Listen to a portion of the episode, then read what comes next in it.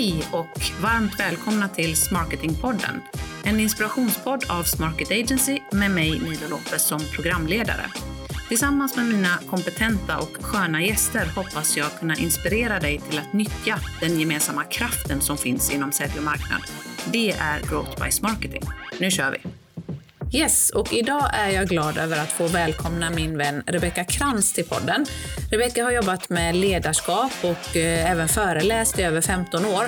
Hennes fokus är att hjälpa människor att bli bättre på att leda sig själva och därigenom också sina medarbetare. Rebecka är certifierad kommunikolog och systemisk coach och idag ska vi prata om något så spännande som neuroledarskap. Det ska bli riktigt kul att få prata om eh, detta ämne. Välkommen Rebecka! Tack snälla. Ja, många ord, vrickarord. ja. Kommunikolog, systemisk coach och neuroledarskap. Eller Precis. Ja. Säg det fort. ja, precis. Nej, jag ska, inte, jag ska inte försöka mig på det. Jag tänker vi ska ju prata om ledarskap idag. Det är ju någonting mm. som du eh, jobbar mycket med och som ligger dig varmt om hjärtat. Men kan du inte bara berätta lite, vad är bra ledarskap för dig? Har du några exempel? Ja, alltså bra ledarskap för mig är ju framför allt att se individen, se människan. Att som mm. ledare kunna se sina medarbetare eh, utifrån att inte utgå från att alla är likadana eller att alla funkar som en själv. Eh, utan viktigt att någonstans kunna eh, vilja lära känna personen på ett personligare plan. Att vilja vara lyhörd, att vilja se, mm. skulle jag säga. Mm. Eh, men sen också att vara tydlig. Bra ledarskap handlar om att kunna vara tydlig. Eh, och vad innebär det för mig? Jo, att vara konsekvent mm. som ledare. Att inte göra, säga en sak och göra någonting annat. Mm. Eller att det kanske blir otydligt. För att det, vi kommer komma in på det sen, men det är någonting som, som våra hjärnor inte är superfan av mm. eh, när vi blir otydliga. Eh, sen också skulle jag säga som ledare att värdesätta medarbetarnas eh, åsikter. Mm. Att bjuda in till vad är det företaget står för. Att se till att eh, medarbetarna förstår vad är min del. Mm. Var är, varför är jag här? Varför är jag viktig? Um, så det är några bitar som jag tycker är viktigt i ett ledarskap. Mm. Mm. Jag, tror att du har, och jag tror att det är väldigt många som säger att man värdesätter medarbetare och värdesätter deras åsikter men man kanske bara gör det på papper eller på ytan, men, mm. men att göra det på riktigt faktiskt och vara genuin Precis. i den.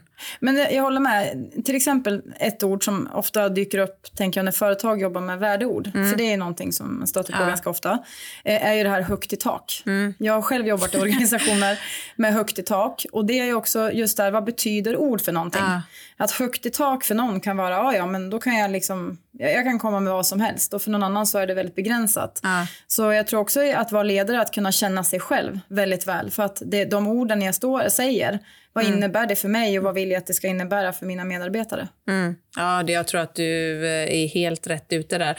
Jag tycker personligen att även om jag förstår poängen med att prata om att man har högt i tak, eh, jag tror att det betyder så olika saker för alla mm. människor, precis som du är inne på. Så att det för mig handlar det verkligen mer om att våga eh, på riktigt ta emot konstruktiv feedback eller förbättringsmöjligheter. Att fråga inte medarbetare om synpunkter eller åsikter om du har, redan har bestämt det. För så kan det ju vara, att man som ledare har bestämt en riktning av olika anledningar. Men fråga då inte bara för att. Bara för Nej, att. Bara för att. Nej, men jag håller med. Precis. Att ibland kan det vara så att vi som ledare också behöver säga att det här är inte förhandlingsbart. Nej. Så här är det nu. Men vi kan hjälpa våra medarbetare att kliva in i den mm. tänker jag, processen. Exakt. Och ibland finns det möjlighet att, att ge utrymme för att vi kan diskutera, vi kan skapa. Verkligen. Men viktigt att kunna tala om när gäller vad. Mm. Mm. Mm. men jag håller helt med. Tydlighet eh, och att faktiskt se människor eh, i din grupp, det tror jag är jätteviktigt. Eh, och jag tänker också att nu frågar jag dig vad bra ledarskap är för dig. För mig i alla fall så har jag tänkt också ofta att även dåligt ledarskap kan vara med och forma mm. hur jag är som mm. ledare. Mm. Hur tänker du kring det? Eh, ja, det är alltså en av anledningarna till att jag valde den vägen jag gjort att inte själv fortsätta jobba i en mm. ledande roll och kanske ta mer chefsroller utan kliva ur och istället bli, jobba mer med coachning och coacha andra ledare. Mm. Det är för det att jag hade för många dåliga chefer själv. Mm.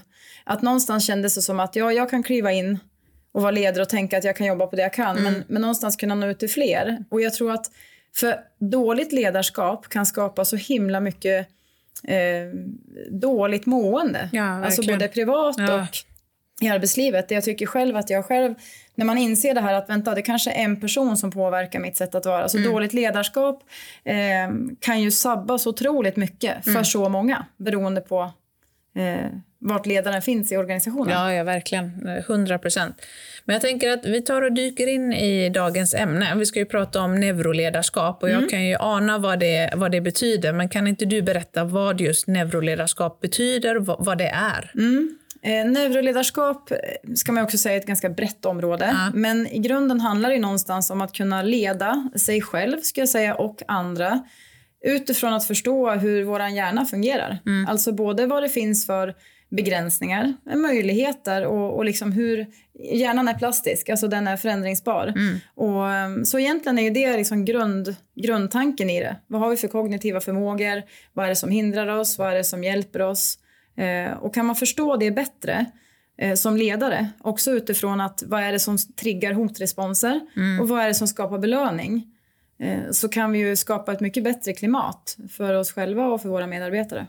Så egentligen handlar det om ledarskap som grundar sig i kunskap om hjärnan och hur hjärnan fungerar? Ja, precis. Mm. Det låter, jag tycker det låter superintressant. Jag tycker allt som har med hjärnan är väldigt intressant. Men jag tänker, hur tycker du att man som ledare ska använda detta? Då? Finns det konkreta aktiviteter och metoder som man kan applicera om man nu vill börja med neuroledarskap? Ja, jag, jag tänker så här att ibland tror jag att vi kanske oavsett om vi befinner oss på jobbet eller privat behöver påminna oss om att vi lever ju i ett samhälle och en tid som går extremt fort framåt. Vi mm. utvecklar teknologi som är helt otrolig och fantastisk på många sätt och vis. Men vår hjärna är ju inte riktigt med i den takten. Nej. Utan någonstans så har vi fortfarande en hjärna som är skapt från början för att vi ska överleva. Mm. Vi är, den har otroliga möjligheter till läranden. Men vi behöver förstå att den har inte obegränsad med resurser när det kommer till att kunna hålla mycket saker i luften samtidigt mm. eller vad det nu kan vara. Och det är där jag tror att vi behöver påminna oss. Att liksom, vad har vi för, för förmågor? Vad är möjligheten? Mm. Um, så jag skulle säga att um, en grej som jag tänker som är väldigt konkret att använda, det finns till exempel en modell inom neuroledarskap som kallas för SCARF mm. med C. Det stavas mm. S-C-A-R-F. Eh, och eh, jag tänkte lite kort bara mm. dra dem. Verkligen, skitbra. Eh, S står för, alltså så här, först ska jag säga så här att de här, eh, den här SCARF-modellen kommer ur att man genom liksom, studier och hjärnforskning och så vidare har tittat på fem stycken områden, fem stycken sociala områden som man har sett att hjärnan triggas liksom, eh, hot eller belöning på samma sätt egentligen som om vi får mat eller vatten. Mm. Så det här är liksom någonstans en överlevnadsinstinkt eh, i oss. Ja. Så S står för status mm. och eh, status i form av vart är jag i gruppen. Mm. Och om du då tänker att du är ledare och har en grupp människor tillsammans så har ju du en stor möjlighet att dels i din egen roll som ledare eh, se till på okay, hur kan jag minimera statusförhållandet i gruppen. Alltså det kan vara du som är chefen och ledaren men det behöver inte betyda att du behöver sätta dig så högt så att de andra känner sig underlägsna. Nej. För det skapar ofta en hotrespons. Mm. Men det kan också handla om att du som ledare ska hjälpa gruppen att känna trygghet i varandra. Mm. Att de inte behöver utöva eh, status det, eh, mot varandra. Mot varann. Mm. Och det här blir ju också komma ihåg beroende på vart gruppen är i sin utveckling. Eh, en helt ny grupp, härligt, man känner lite på varandra, lite smekmånad. Mm. Så kanske man börjar komma över lite i det rollsökande. Och där kan det ju bli eh, utmaningar av mm. att man ska ta sin roll och så kanske två vill ha samma roll och så vidare. Just det, ja.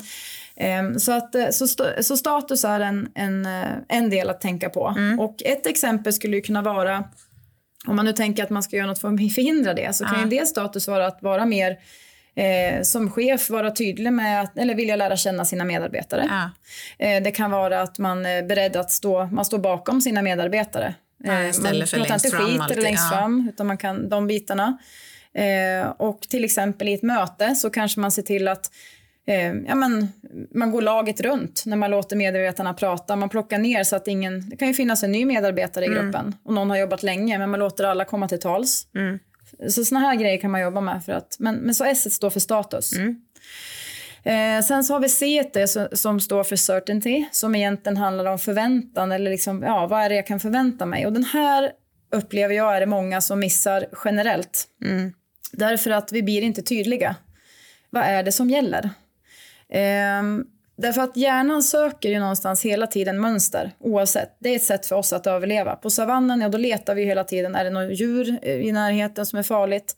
Kommer det någon annan grupp människor springande med spjut jag ska mm. akta mig för? Eller vad är det för någonting? Mm. Och idag handlar det om sociala hot. Ja. Eh, mycket mer på ett annat sätt mm. i de, på så sättet vi lever idag. Så certainty, att se till att man vet tydligt vad det är som gäller. Det kan ja. vara allt ifrån i mötesform. Ja, men när vi har våra veckomöten, vad är det som gäller? Det finns en agenda. Jag vet mm. att om jag kommer ska presentera någonting så har någon talat om det för mig innan. Alltså sådana saker. Ja. Ehm, men också när det kommer till omorganiseringar till exempel. Hur vanligt är inte det? Mm. Det här stöter ja, jag på gud, ganska ja. ofta. Ja, det förstår jag verkligen. Ehm, att någon, det rullas ut, ledningsgrupperna stött och blött, man vet, skickar ut det och förväntar sig någonstans att medarbetarna bara ska liksom förstå. Men mm. om det inte är extremt tydligt, om man inte jobbar med det liksom hela vägen ut, att man kan inte bara överföra information, informationen ska också in, mm. så tror jag att det, där kan det bli ett glapp. Mm, ja, men jag, ehm. det, jag, tror verkligen uh, certainty, alltså att, att ha en, en, tydlighet och en säkerhet i vad som händer runt omkring. Det tror jag är jätte, jätteviktigt. Och just omorganisationer som du tar upp, jag har också varit med i många organisationer där man omorganiserar eller inför förändringsprojekt och så vet man inte riktigt. Man, man, man, går inte ut med information för att man inte har det klart. Men det här klassiska som alla säger, hellre att du går ut och talar om att det inte finns någonting att berätta och när du förväntar dig ha ett svar, Precis. än att inte säga någonting alls. För det Nej. skapar ju inte alls någon tydlighet eller säkerhet. Nej, utan det skapar istället rätt mycket utrymme för tolkningar. Och ja. vad händer när vi börjar tolka? Vi tolkar utifrån vår egen eh, värld. Därför att det är så vi är. Vi kan ha hjärnor som på utsidan ser likadana ut. Men vi växer upp med olika förhållanden, mm. vi lever på olika sätt vilket ger oss också olika möjligheter att tolka. Ja, och så verkligen. börjar liksom det här hjulet snurra. Mm. En annan sak jag tänker på just i så som världen ser ut just nu så kan man ju ännu mer tänka på som ledare att skapa en trygg plats på arbetet. Mm. För att där ute är det kanske inte så tryggt. Det händer saker i världen, det påverkar oss ekonomiskt, det är mycket saker som är. Mm. Men om vi då kan någonstans känna att här vet jag vad som gäller, här, ja. här har jag min safe zone, så kan det göra ganska mycket mm. oss. Ja, gud ja. Ja, snyggt. Eh, status och certainty. Yes. A då? A står för eh, autonomi. Mm. Eh, så självstyre eller självkontroll. Eh, och senare forskning som är nu visar också på att det här just autonomi och självkontroll är otroligt avgörande för oss för att, mm. för att må bra. Det kan jag tänka mig. Ja, och det vart väl kanske väldigt tydligt också om, om vi nu tänker pandemin och vi hade det sättet människor fick jobba hemifrån och helt plötsligt så skulle folk tillbaka. Mm. De organisationer och företag som förstod att okej, okay, vi kan inte bara förflytta folk från hemma till tillbaka för att det fanns mycket vinster också med att vara hemma. Ja. Där stötte man på en hel del problem. Att folk liksom, men vänta nu, jag får inte välja. Jag får inte vara med och tycka här att jag Nej, kanske kan... Just det, man tar bort eh, Man tar själv... bort allt istället för att man hade kanske kunnat haft, som en del, många organisationer har gjort, alltså diskuterat, okej, okay, vi går lite tillbaka, någon, man öppnar upp för att man kan få välja lite fritt mm. och så. Men det är inte bara det. Ändå, att Autonomi. man är med och bestämmer. Ja, precis. Mm. Att man någonstans kan känna att jag kan ha kontroll mm. över mitt liv. Eh, mm. så. Och det här är ju, nu pratar jag liksom just pandemin, men det kan ju också vara Eh, säg till exempel att eh, chefen, du har en chef som eh, detaljstyr. Mm. Eller att du är en chef som detaljstyr, kanske för att du är orolig och vill kontrollera. Mm. Men ställ dig frågan, vad händer hos din medarbetare? Känslan blir ofta, jag kanske inte känner att chefen har tillit till mig. Mm. Men också känslan av att okej, okay, jag äger inte utan det är någon som hela tiden ska liksom styra mig. Um, så att det, det är... Um, för mig är det ju så långt bort då, för jag, ja. micromanagement är ju bland, bland det värsta jag vet mm. i, i ledarskap. Och jag vet ju att många medarbetare som jag har jobbat med genom åren också har tagit upp det som en, en av så här, det, det vill jag inte ha. För jag brukar ha som vana faktiskt att ställa frågan, ge exempel på bra men också dåligt ledarskap för dig för att jag ska förstå hur, hur jag ska vara gentemot mm. mina blivande kollegor. Och just micromanagement och att gå in och kontrollera är nog det som är gemensamt för alla. Ja eh, kandidater jag har träffat och personer mm. som jag både har anställt och som har gått vidare till andra roller. Att just det vill man inte ha. Så att för mig är det så, så långt borta. Jag tänker att eh, du pratar ju ofta om självledarskap, så det kanske är en mm. otrygghet i ledaren och i mm. sitt eget sätt att vara som gör att man, man måste ta ifrån någon annan autonomin för att själv känna att jag har kontroll. Ja, men jag, jag, tror också det. Jag tror att det handlar jättemycket om ens eget. Liksom. Alltså just det här med att man inte kanske har så bra koll på sig själv. Man mm. har inte riktigt förstått. Jag, jag, tror ofta så här, eller jag väljer i alla fall när jag träffar ledare, medarbetare, man är ute och jobbar, att det handlar om att tänka, okej, okay, en människa har en god intention med någonting. Mm. Alltså jag har en god intention med någonting, men det kan fortfarande bli fel. Ja. Eh, och det här kan ju vara en sån grej att jag vet en eh, person som är en, en ledare som, ska jag säga mellanchefsnivå, som jag coachade under pandemin. Hon gick ju från att hon hade varit jättenöjd med sin chef, tyckte det var, funkar hur bra som helst. När pandemin kom och de blev tvungna att sitta och jobba hemifrån så började hennes chef att mikrostyra hela tiden. Mm. Och hon började må väldigt dåligt av det och blev frustrerad. Mm.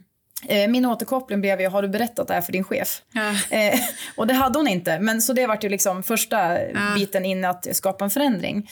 Eh, men just det här att det, i det läget tror jag också, ta den chefen då, förmodligen kände sig osäker, jaha det är massa nytt, vad gör jag? Ja. Jag måste kontrollera att mina medarbetare levererar. Ja, just det. Men det vart lite tokigt. Verkligen. Att, ja. Mm.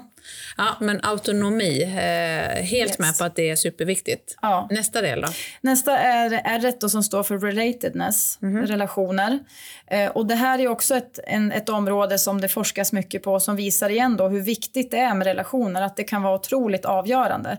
Och min uppfattning är ju att för många företag generellt jobbar för lite med relationer. Mm. Det finns inte tid, det är lite eh, flummigt att hålla på med att människor ska liksom bounda med varandra. Mm. Men jag skulle säga att det är helt avgörande. Och jag tror att de flesta som tänker på det hur lätt är det att vara i ett sammanhang där du inte känner dig samhörighet med någon? Nej, gud, nej, nej. Det, är ju inte, mm, det skapar nej. ju inte några sköna känslor i kroppen. Så att det man kan göra, om man tänker på de här olika liksom, områdena vi pratar om, det är att också fundera lite grann på, okej, okay, om jag sätter mig själv i en situation där jag utsätts för det här, bra eller dåligt, mm. vad får jag för responser i kroppen? Är du lite lyhörd så kommer du säkert känna att oh, det där kändes oskönt, ja men det där kändes bättre. Mm. Det går att sätta sig in i situationer. Verkligen.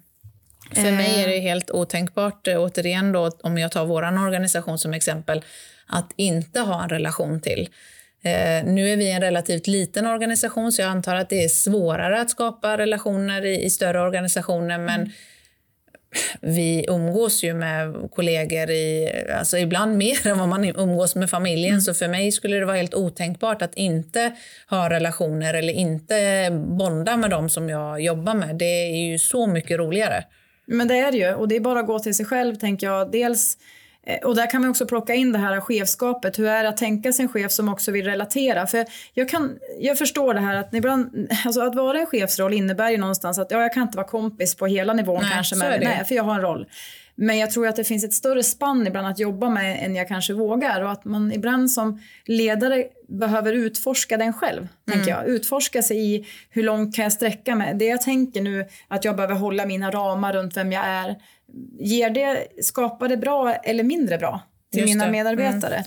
Så, ja, jag förstår vad du menar, för, för spannet relation är ju ganska stort. Mm. Alltså man måste ju som du säger inte vara bästa kompis med alla för att någonstans måste du som ledare kunna fatta beslut. Det eh, kan vara jobbiga beslut och då är det svårt om man mm. är jättenära kompis med alla.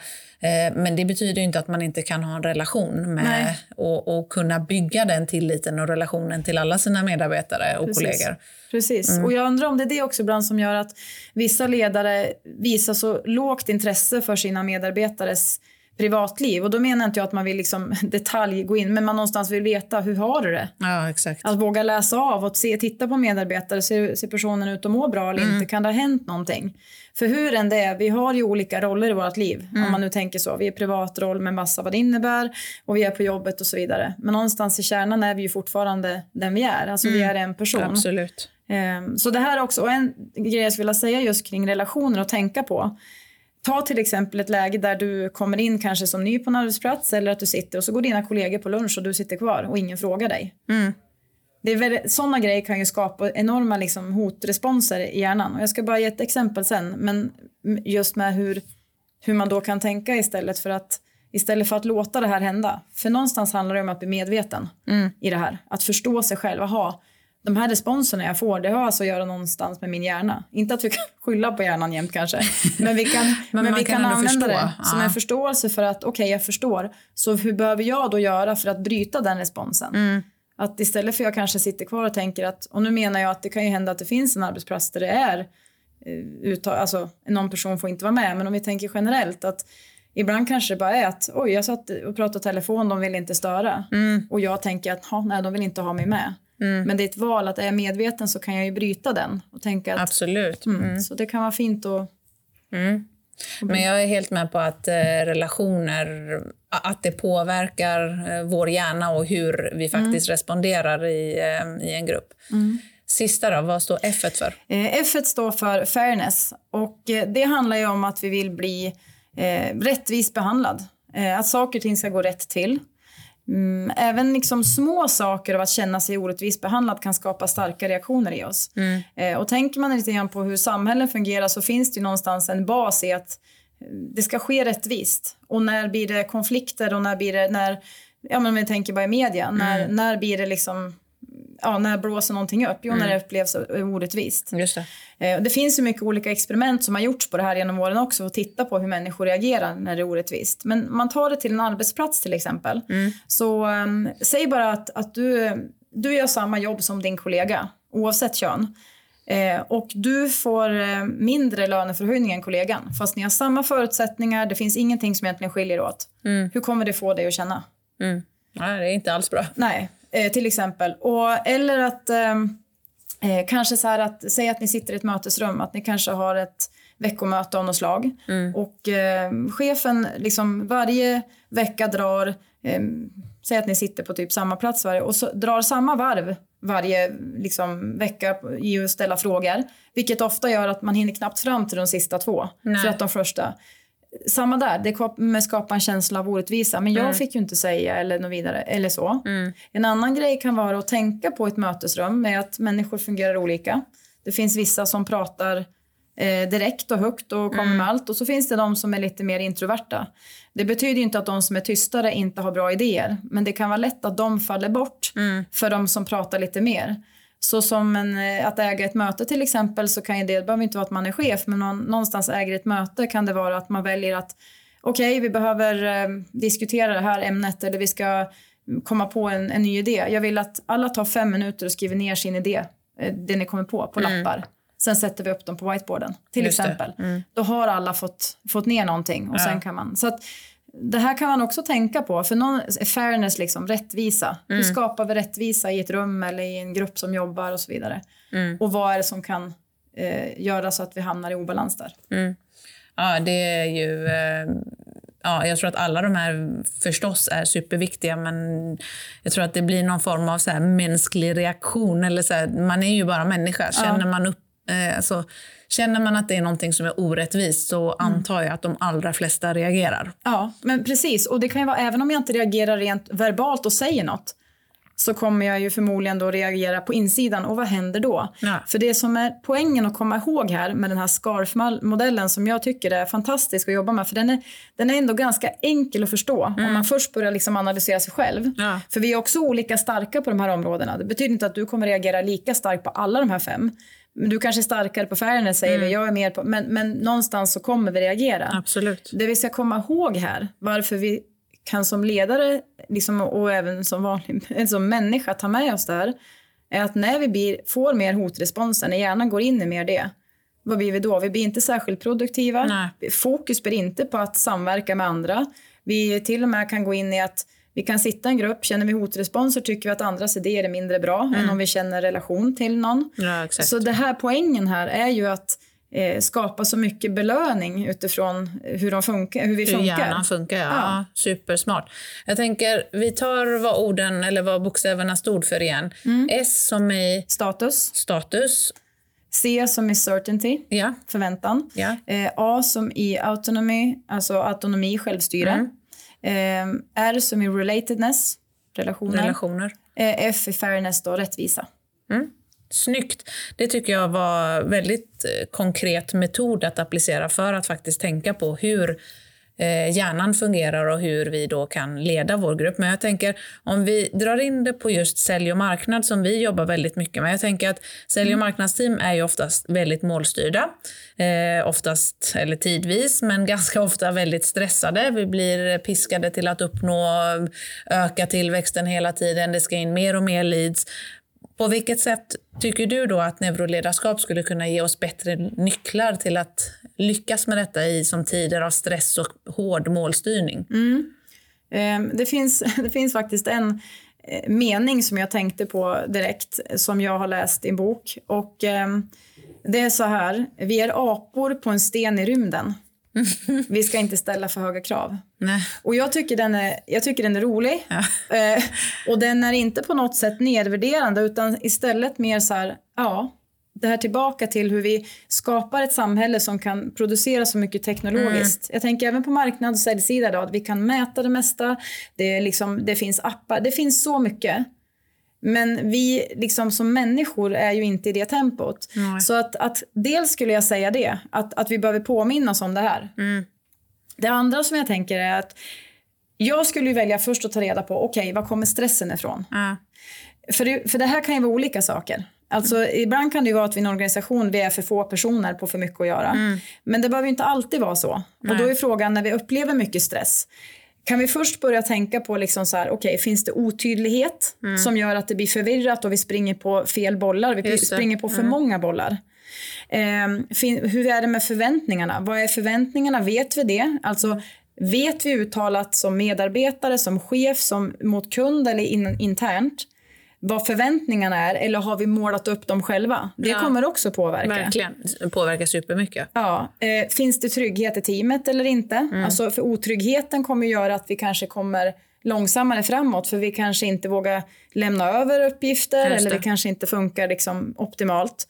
Eh, så jag skulle säga så här, att börja titta på först här, vad är det som skapar stressen så att man också vet, finns det någonting här vi kan liksom, tydliggöra eller ja. någonting så att det blir mindre. Mm. Um, Sen vet jag att du brukar prata mycket om just där att få sälj och marknad och jobba ihop. Att det är mm. det det handlar om. Mm. Och jag håller helt med. Jag har ju själv jobbat mymycket med marknadsföring, mm. jobbat som projektledare och fått jobbat mycket med säljteam. Eh, med olika eh, resultat.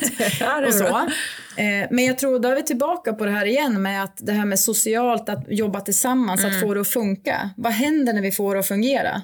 Verkligen. För, för någonstans tänker jag att vi, vi är i ett samhälle där vi någonstans, vi, vi, vi pushas ändå till en gräns att vi jobbar på, vi jobbar hårt och det kanske inte bara går att skala av det på en gång. Nej. Då får man ju titta på vad är det vi faktiskt kan kontrollera. Mm. För det är också lätt att vi hamnar utanför där vi tänker att om, bara, om bara det där sker, alltså om vi bara får ja. in mer leads eller om bara kunden gör si eller om bara den gör så, mm. då kommer det här bli bra. Men då är det också lätt att vi lägger vårt välmående eller vår produktivitet eller vad vi nu vill kalla det för i händerna på någon annan. Mm. Så att plocka hem det skulle jag säga mm. och titta på vad är det vi faktiskt kan justera mm. utifrån punkterna jag sa tidigare? Mm. Jag tror att eh, precis punkterna du var inne på tidigare, just den här scarf-modellen, den skulle definitivt kunna hjälpa sälj och marknad att, att faktiskt både hantera stress och, eh, och nå bättre måluppfyllelse. Men sen jag är helt med dig på att man måste titta på varifrån stressen kommer. Men jag tänker om man till exempel har jobbat mer med relationsdelen mm. och faktiskt byggt starkare relationer både inom marknadsteamet men också sälj och marknadsteamet. Då är det också, det är mina kompisar ja. på marknad, det är mina kompisar på sälj. Eh, och då kanske man inte piskar på lika hårt utan vi gör alla vårt bästa för att nå målen. Så att jag tror att den relations-delen den är ju verkligen en nyckel för att få sälj och marknad att, att jobba starkare tillsammans. Ja, men jag, jag är helt med på det du säger och jag, jag, och jag tänker det här med just relationer, vad som händer i oss. Precis som du säger, om jag känner någon bättre, om jag har en bättre relation till någon, om jag önskar också någon annans välmående. Och det mm. finns en sak till som jag tänker. Om vi skulle utgå ifrån att människor vill oss väl. Alltså, min kollega har en god intention. Mm. Jag har en god intention. Ibland kommer det bli fel. Precis. Men vi har utgått ifrån en god intention. Då tror jag också att vi kan mötas mycket bättre. Vi behöver inte gå in i liksom, diskussioner och vi behöver inte trigga hjärnan med att den där vill mig så nu jäklar Nej. ska jag tillbaka. Alltså, om jag nu drar det lite långt. Men, men för det i sig kommer ju inte skapa något bra. Nej. Mm. Nej, men det är helt rätt. Jag tänker, jag hör ju hur det är väldigt tydligt att den här typen av ledarskap, eller att man använder kunskap om hjärnan och hur vi reagerar eh, på ett bra sätt, att det, att det kan hjälpa mig som ledare, att det också kan hjälpa mina medarbetare och individer att må bra. Men när det gäller de positiva effekterna på just neuroledarskap, mm. tycker du att det påverkar prestationen i gruppen också eller är det bara inom citationstecken individernas prestation som kan Nej jag, skulle, nej, jag skulle säga absolut att det är både på individ och gruppnivå. Mm. Det jag tror att man behöver ta med sig är ju det här igen då med eh, hur ser gruppkonstellationen ut? Mm. Därför att, eh, men, men jag tänker att de hänger ihop. Jobbar man med de här bitarna som vi har pratat om nu, om vi bara tar scarfmallen, mm. så eh, utvecklas ju också gruppen på ett annat sätt. Ja. För vi skapar förutsättningar för gruppen att utvecklas framåt. För Just det är det vi vill. Mm. Um, så tänker jag att vi vill. Att vi vill få dem att hamna i ett läge där de känner samhörighet, tillit, Verkligen. trygghet till varandra. Mm. Och då tror jag att för att tittar man ibland, eller tittar man ibland, tittar vi på organisationer idag som inte fungerar eller team så, han, så kan det vara lätt först att säga så här, ja men vi har så mycket att göra. Det är mm. därför, vi, därför vi är så stressade och det är bara det. Men det är ju inte alltid bara det. Nej. Ibland är det kanske till och med inte alls det. Nej. Utan det har blivit en upplevelse att det är mycket att göra. För att det är konflikter, för att det är otydligt. Det ligger mm. massa annat i vägen. Men det är närmast att ta till. Vi har så mycket att göra. Ja.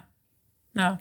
Då låter det ju ganska alltså, rimligt att eh, när varje individ mår bättre och mm. känner sig tryggare och att det är tydligt ledarskap och mår bättre i, en, eh, i ett team, mm. då kommer de kunna prestera bättre. Mm. Och om varje individ presterar bättre mm. eh, eller mer produktiva och mer trygga, ja då kommer givetvis helheten, och det vill säga teamet också att prestera ja, bättre.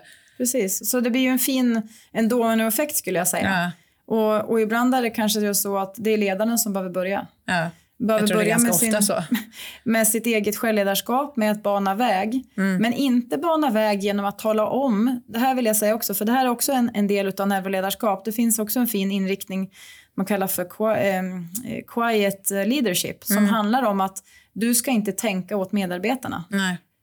Utan låt dem få komma på, låt dem bli lösningsorienterade mm. istället för att se problem. Men skapa förutsättningar för att låta dem komma till insikter, låta dem få utvärdera, alltså känna in själv och ta reda på hur kommer jag framåt. Mm. Och det tror jag att man gör genom att bli en ledare som har bra koll på sig själv. Mm. Då förstår man att okej, okay, det finns andra här som också behöver få koll på sig själva. Mm. Och då tror jag att man skapar riktigt starka, eller tror, jag vet att man skapar starka team då. Mm. Därför att man blir trygg i sig själv, men man kan också kroka arm och veta att man vill göra sitt bästa för gruppen. Ehm, och då når man längre. Ja, Ja, verkligen. Men finns det, som du ser det, några fallgropar när det gäller neuroledarskap? Um, men en, en grej kanske skulle kunna vara att vi ibland blir för snabba. Att om, om vi nu tar den här scarfmallen, ja. Eh, det är lätt att utgå från den för ja. att ha något att hänga upp det på. Eh, så tänker vi att ja men kalas, scarfmallen. Men då kan det vara lätt att vi utgår från hur vi reagerar själva. Ja. Vi glömmer bort det här med, jag nämnde det tidigare, att vi vi, liksom, vi är ju människor som har på utsidan likadana hjärnor men det innehållet i dem har ju liksom olika vi har olika kartor i hjärnan beroende på hur vi har haft det när vi har växt upp och mm, ja, hur vi lever. Mm. Och jag tror att det kan bli en fallgrop att man tar men jag skulle säga att det kanske är generellt att man tar en modell eller någonting och så Vilken bara yes? Mm. jag tar den och så har du ramen för den. Mm. Men du behöver förstå den också utifrån att okej, okay, vi är människor. Så det betyder att när jag ska tolka scarfmallen eller modellen att jag behöver tänka på att jag vill skapa förutsättningar för att hjälpa gruppen framåt. Men jag behöver vara medveten om, är det här min egen tolkning nu? Att jag tänker att det är så här de kommer reagera? Mm. För att jag hade gjort det själv? Eller kan jag försöka vara lite mer open-minded? Just det. Så att med det sagt, att när man tittar på olika förslag hur man vill jobba med, med scarfen så skulle man kunna tänka att man kanske skapar lite olika eh, Ja, men till exempel under ett möte, att du kanske både går laget runt att mm. se till att alla får prata. Du kanske använder de här lapparna för att skriva ner idéer så alla verkligen kommer skriva ner någonting. Eh, du kanske ser till att du skickar ut en väldigt tydlig agenda innan mm. mötet och du upprepar agendan under tiden, du håller tiden. Mm. Alltså du kan göra olika insatser på olika sätt för att täcka upp människor. Mm. Ja, okay, nu är jag med på hur du menar, för att täcka upp alla typer av reaktioner. En mm. reagerar mer på att det inte finns en tydlig agenda medan en annan reagerar mer på orättvisan att inte få komma till tal. Så att ja. man tänker igenom alla olika aspekter. Ja, precis. Mm. Att man kan, det är ett sätt att göra det, eh, tänker jag. För att, för att liksom någonstans inte bara utgå ifrån hur hade jag reagerat mm. och det här tror jag är bäst. Utan använd det gärna och sen utvärdera. Mm. För det är ju någonting som jag skulle säga också kan bli en fallgrop. Att återigen, du testar en modell och tänker ah, det här funkar inte. Nej, okej, okay, men hur många gånger har du gett en chans? Ja, Ut och utvärdera. Ge det några gånger. Mm. Så det kan vara eh, fallgropar kanske att man, man tar bara modellen, men man ja. behöver någonstans förstå den. Mm. Mm. Det, det låter klokt för att eh, det, det är väldigt sällan modellernas fel, eh, metodernas fel att det inte riktigt funkar. Det är oftast hur man applicerar det ja. eller hur man, ja, hur man inte applicerar det. Nej, man nej, mm. så det, nej men jag, jag, tror verkligen det. Att, att också bara trycka på den med att det här som, som ledare som någonstans ändå blir den som ska driva igenom en förändring och mm. skapa utrymmet. Att komma ihåg att vad har jag för egna sanningar? Vilka mm. filter har jag när, jag när jag gör det här? Kanske till och med när jag ska ta till mig en modell. Jaha, tror jag på det här? Precis. Du måste ju tro på det själv som ledare, annars kommer det aldrig funka. Men ställ dig frågan varför tror jag inte på det? Eller varför tror jag på det? Ja. Så att du någonstans ändå landar. Mm. Ja, men snyggt. Jag tänkte du skulle få summera de här eh, kloka insikterna nu då till att ge oss dina tre diamanter. De mm. tre bästa tipsen eh, för att få till ett, just ett neuroledarskap i organisationen. Yes. Hit me. Hit, hit, you. eh, det finns ett uttryck som inom faktiskt neuroledarskap, eller neuro, liksom, ja, hjärnforskning, mm. eh, heter fire, firewire, alltså fire together, wire together. Mm. Och jag gillar att använda det också själv när jag jobbar med ledarskap. Alltså mm. Alltså i form av att det du någonstans avfyrar, om du tänker i hjärnan med mm. liksom alla neuroner och det är nervtrådar och allt vad det är ju mer du avfyrar någonting i samma område, ju starkare kommer det bli. Och ju fler gånger du gör det så avfyras samma delar tillsammans och det blir starkare. Mm. Precis så ser jag mig i ett team som, som jobbar med rätt fokus. Att det är det vi kommer göra. Vi avfyrar tillsammans och vi blir starkare tillsammans. Mm. Vi liksom knyter an. Eh, och då skulle jag säga att de tre grejerna som jag tänker leder fram till det här mm. som kommer att öka kreativitet, välmående, effektivitet och lönsamhet och framförallt ha kul på jobbet. Det är ju först så här, att du som ledare eh, du behöver se dina människor du har framför dig mm. och du behöver dels veta ditt eget mindset och vad vill du sätta dem i för mindset. Mm. Så varför ska ni göra det ni gör? Vad är det ni ska göra och hur mm. ska ni göra det? Det ska vara supertydligt mm. att gå från självklart till vi-klart. Mm. Det är den första. Ja. Eh, och, jo, och så en sak i det också. Låt det ta tid. Ja. Verkligen. På utsidan kan saker gå fort, men i människor det behöver finnas ett utrymme för processen. Verkligen. Ha tillit till den. Mm. Eh, nummer två så skulle jag säga, vilket hänger ihop då med första egentligen, det är ju att ta reda på vad människor tänker. Eh, om du, isberget jobbar man ju mycket med i mm. olika typer av sammanhang. inom kanske mm. så. Men, men det är bra att tänka på isberget utifrån att liksom, du kan se beteenden och resultat på ytan. Mm. Men om du bara går på det och ska bedöma, eller du vill ändra ett beteende för du vill ändra resultatet, då kommer du få ett tufft jobb som ledare. Ja. Du behöver komma ner på djupet. Och längst i botten, liksom, längst ner mot botten, där har vi eh, tankarna. Mm. Sanningar vi går runt med och så vidare, som kommer påverka vad jag känner. Mm. Och mina syften och vad jag vill, som sen påverkar upp på ytan. Mm. Så vill jag som ledare verkligen eh, hjälpa till att skapa en förändring, då behöver jag också lära känna mina medarbetare på djupet. Mm. Vad har du för tankar? Vad vill du? Vad tänker du om det här? Vad skapar det för känslor? Då kan jag mer förstå de beteenden mm. som är. Ja, verkligen. Mm. Så det är nummer två. Och tredje skulle jag säga, ta hjälp. Mm. Eh, därför att den här typen av, vill jag jobba med förändringsarbete, då kan man ju som ledare tänka och fråga sig själv, vad är jag bäst på? Ja. Är jag bäst på det jag gör i mitt yrke, i min profession, i min bransch? Är det det jag ska göra mest? Mm. Eller ska jag syssla med förändringsarbete som jag liksom kanske inte kan fullt ut på det sättet? Mm. Man kan vara en duktig ledare, men man behöver också få med sig resten. Och hur gör jag? Och när det blir förändring och mycket, vad händer? Mm. Så kanske det blir för mycket att bolla. Absolut. Eh, ja. Och då skulle jag säga att, att ta hjälp för mm. att få det att funka. Så att man liksom någonstans får implementationen och kan ha någon att hålla i handen tills mm. man känner att okej, okay, nu har vi greppat det. Mm. Mm. Snyggt. Eh, det känns som att vi skulle kunna prata om ledarskap i eh, många timmar ja. till. Det finns anledning för dig att komma tillbaks och prata mer ledarskap. Men jag tänker, innan vi släpper dig så ska mm. du få dina tre snabba frågor yes. där, eh, där du bara ska få svara med magen. Då, ja. Mm. då kör vi. Yes. Rebecka, semester i Sverige eller utomlands? Ah, ja, jag säger semester i Sverige då. I Sverige? Okej, okay, jag, jag trodde du skulle säga utan du är ju Thailands fantast. Ja, det är jag. Men, men jag ska faktiskt säga semester för mig, det är sommar. Ah. Eh, vinter jobbar jag lite utomlands, men sommar, och då är det Sverige. Det är jag tycker Sverige. inte om att lämna Mm. Sverige på sommaren. Ah. Snyggt. Ja, jag, håller, jag tycker det är jättefint i Sverige på sommaren också, när det är fint väder. Ja, ja, precis. ja, men det är bra.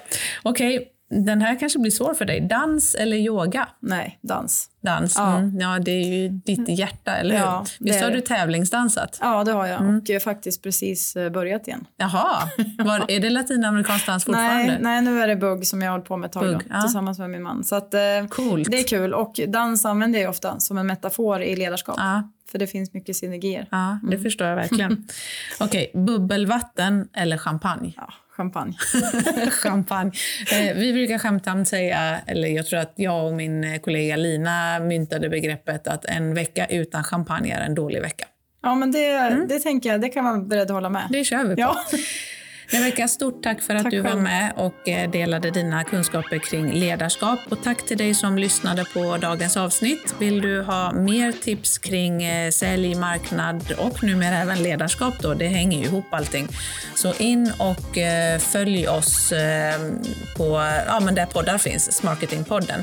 Och har du något tips på ämnen eller personer som du tycker att vi ska bjuda in så skicka gärna ett mejl på hej smarketagency.se eller in på LinkedIn, Facebook eller Instagram och tipsa där. Vi hörs snart igen. Hej då!